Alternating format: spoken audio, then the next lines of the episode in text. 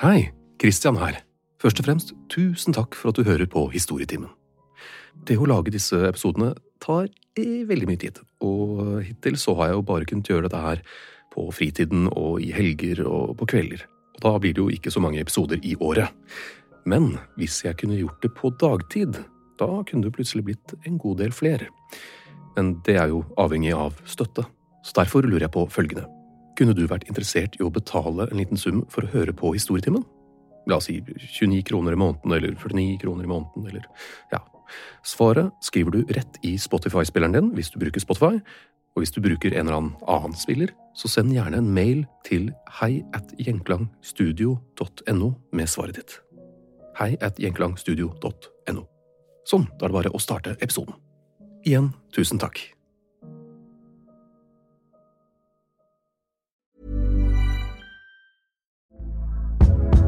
Hey there, it's Michelle Norris. I'm host of a podcast called Your Mama's Kitchen. When I travel, I'm usually looking for a way to find a taste of home when I'm not at home. And one of the things I love to do when I am at home is entertain. And Airbnb allows me to do that. When I was in California recently, I rented a house that had a great kitchen. And when we were sitting around the table, we we're all thinking, we're in someone else's house. Someone could be in all of our homes as well.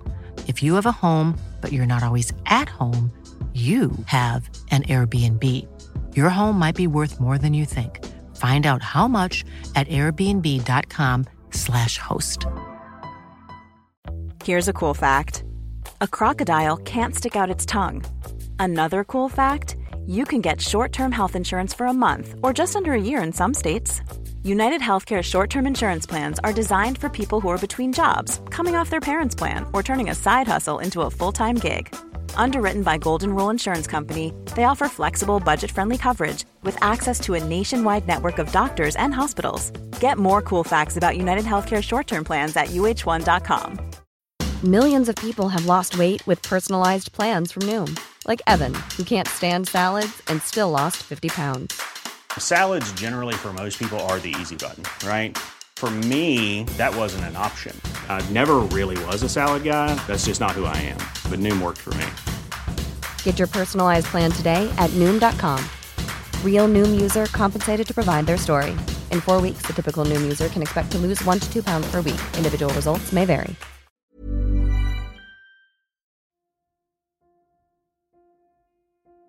Sankt Katerina av Siena. Katerina di Benincasa gikk tur med broren sin da hun som seks år gammel så Jesus for første gang smile ned på seg. Dette møtet i 1353 skulle føre til at hun i sine 27 resterende leveår inspirerte generasjoner på generasjoner av italienske tenåringsjenter til noe litt spesielt. Nemlig å sulte på seg alvorlige spiseforstyrrelser.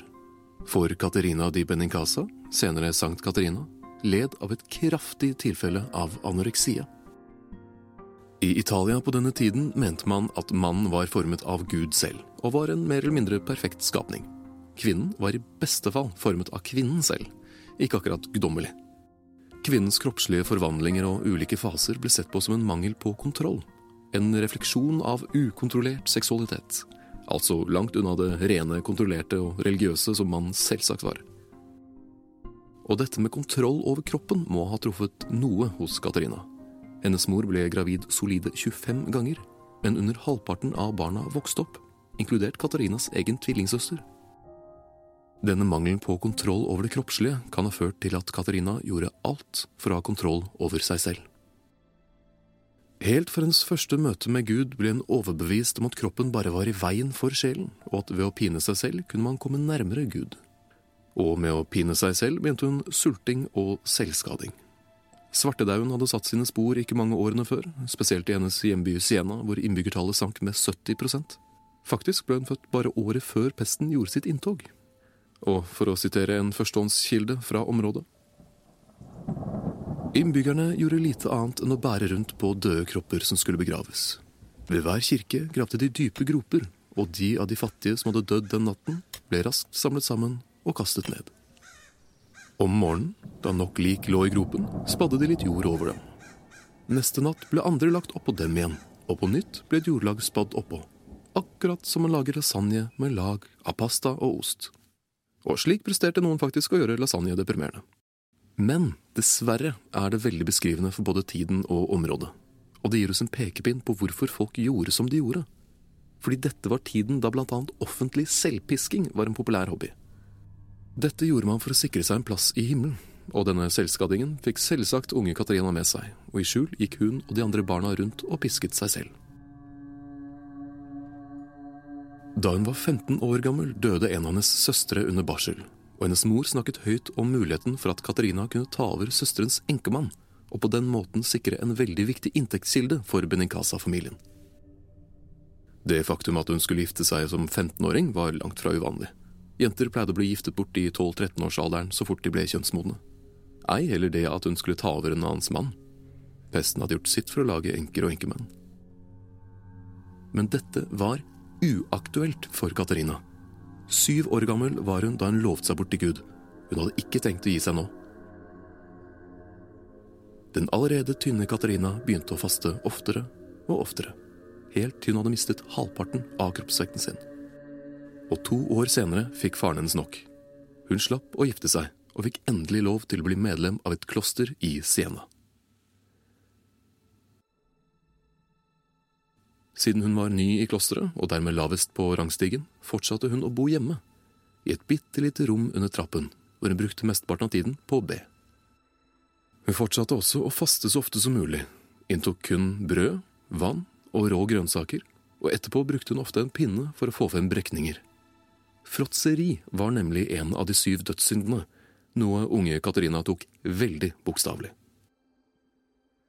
Hennes trang til å gi bort familiens mat og klær til fattige uten å spørre først, førte ikke bare til grinte familiemedlemmer, det førte også til økonomiske problemer for familien.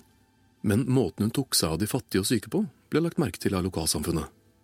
Og inne på rommet sitt under trappen pisket hun seg selv tre ganger daglig, før hun la seg til å sove på gulvet.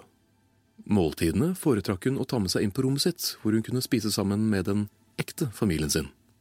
Ja, du vet, den i himmelen.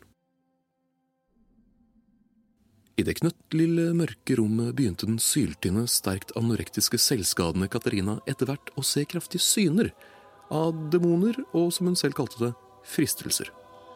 Ikke akkurat merkelig med tanke på at hallusinasjoner er relativt vanlige hos anorektikere. Men for å bøte på dette sluttet hun å prate i tre år. Og da hun ble 20 år gammel, kom Jesus og jomfru Maria inn på rommet hennes mens kong David spilte harpe i bakgrunnen. I en hallusinasjon, selvsagt. Her giftet hun og Jesus seg, og han ba henne forlate isolasjonen og bevege seg mer ut. Gifteringen hennes var for øvrig ikke laget av gull eller annet metall, men av den usynlige forhuden til Jesus. Sakte, men sikkert begynte hun også å snakke om synene sine til prester og nonner. Dette kunne fort vært en dårlig idé. Hun kunne fort ha blitt tatt for å være en heks.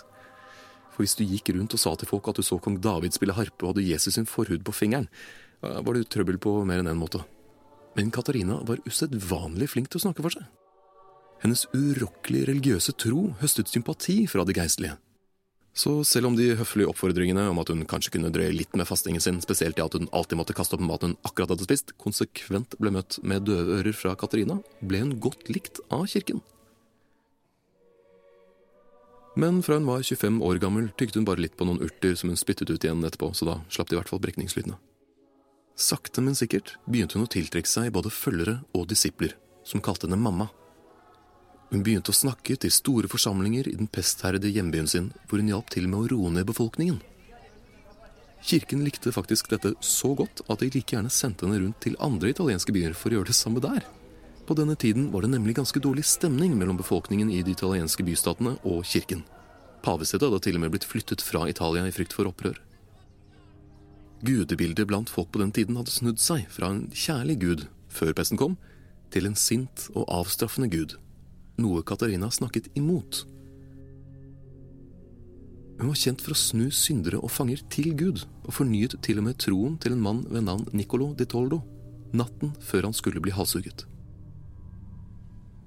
Morgenen etter fulgte hun han opp til bøddelen, og da det falt mot bakken, tok hun imot det avkuttede, livløse hodet hans.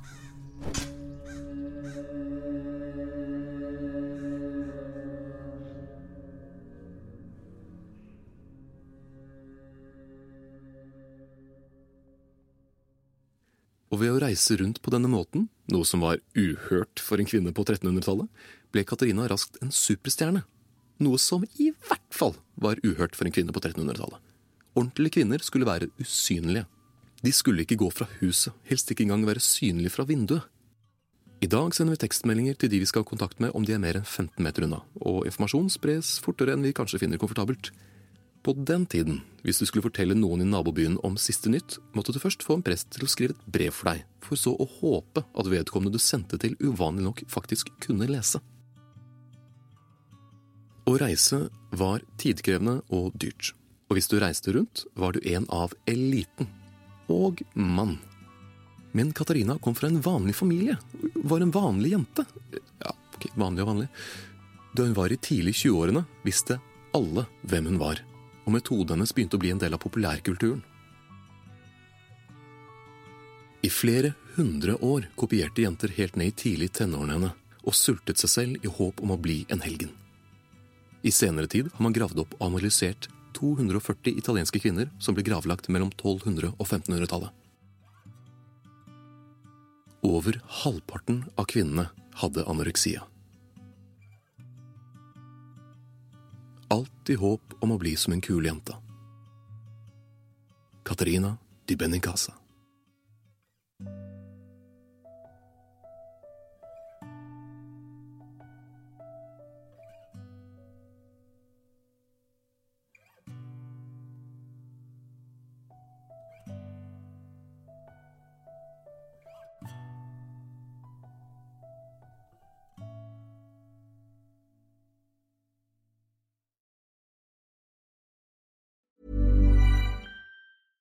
Mom deserves the best, and there's no better place to shop for Mother's Day than Whole Foods Market. They're your destination for unbeatable savings, from premium gifts to show-stopping flowers and irresistible desserts. Start by saving 33% with Prime on all body care and candles. Then get a 15-stem bunch of tulips for just $9.99 each with Prime. Round out Mom's menu with festive rosé, irresistible berry chantilly cake, and more special treats. Come celebrate Mother's Day at Whole Foods Market. Hi, I'm Daniel, founder of Pretty Litter. Cats and cat owners deserve better than any old fashioned litter. That's why I teamed up with scientists and veterinarians to create Pretty Litter. Its innovative crystal formula has superior odor control and weighs up to 80% less than clay litter. Pretty Litter even monitors health by changing colors to help detect early signs of potential illness. It's the world's smartest kitty litter. Go to prettylitter.com and use code ACAST for 20% off your first order and a free cat toy. Terms and conditions apply. See site for details. Planning for your next trip? Elevate your travel style with Quince. Quince has all the jet setting essentials you'll want for your next getaway, like European linen, premium luggage options, buttery soft Italian leather bags, and so much more. And is all priced at 50 to 80% less than similar brands. Plus, Quince only works with factories that use safe and ethical manufacturing practices. Pack your bags with high-quality essentials you'll be wearing for vacations to come with Quince. Go to quince.com slash pack for free shipping and 365-day returns.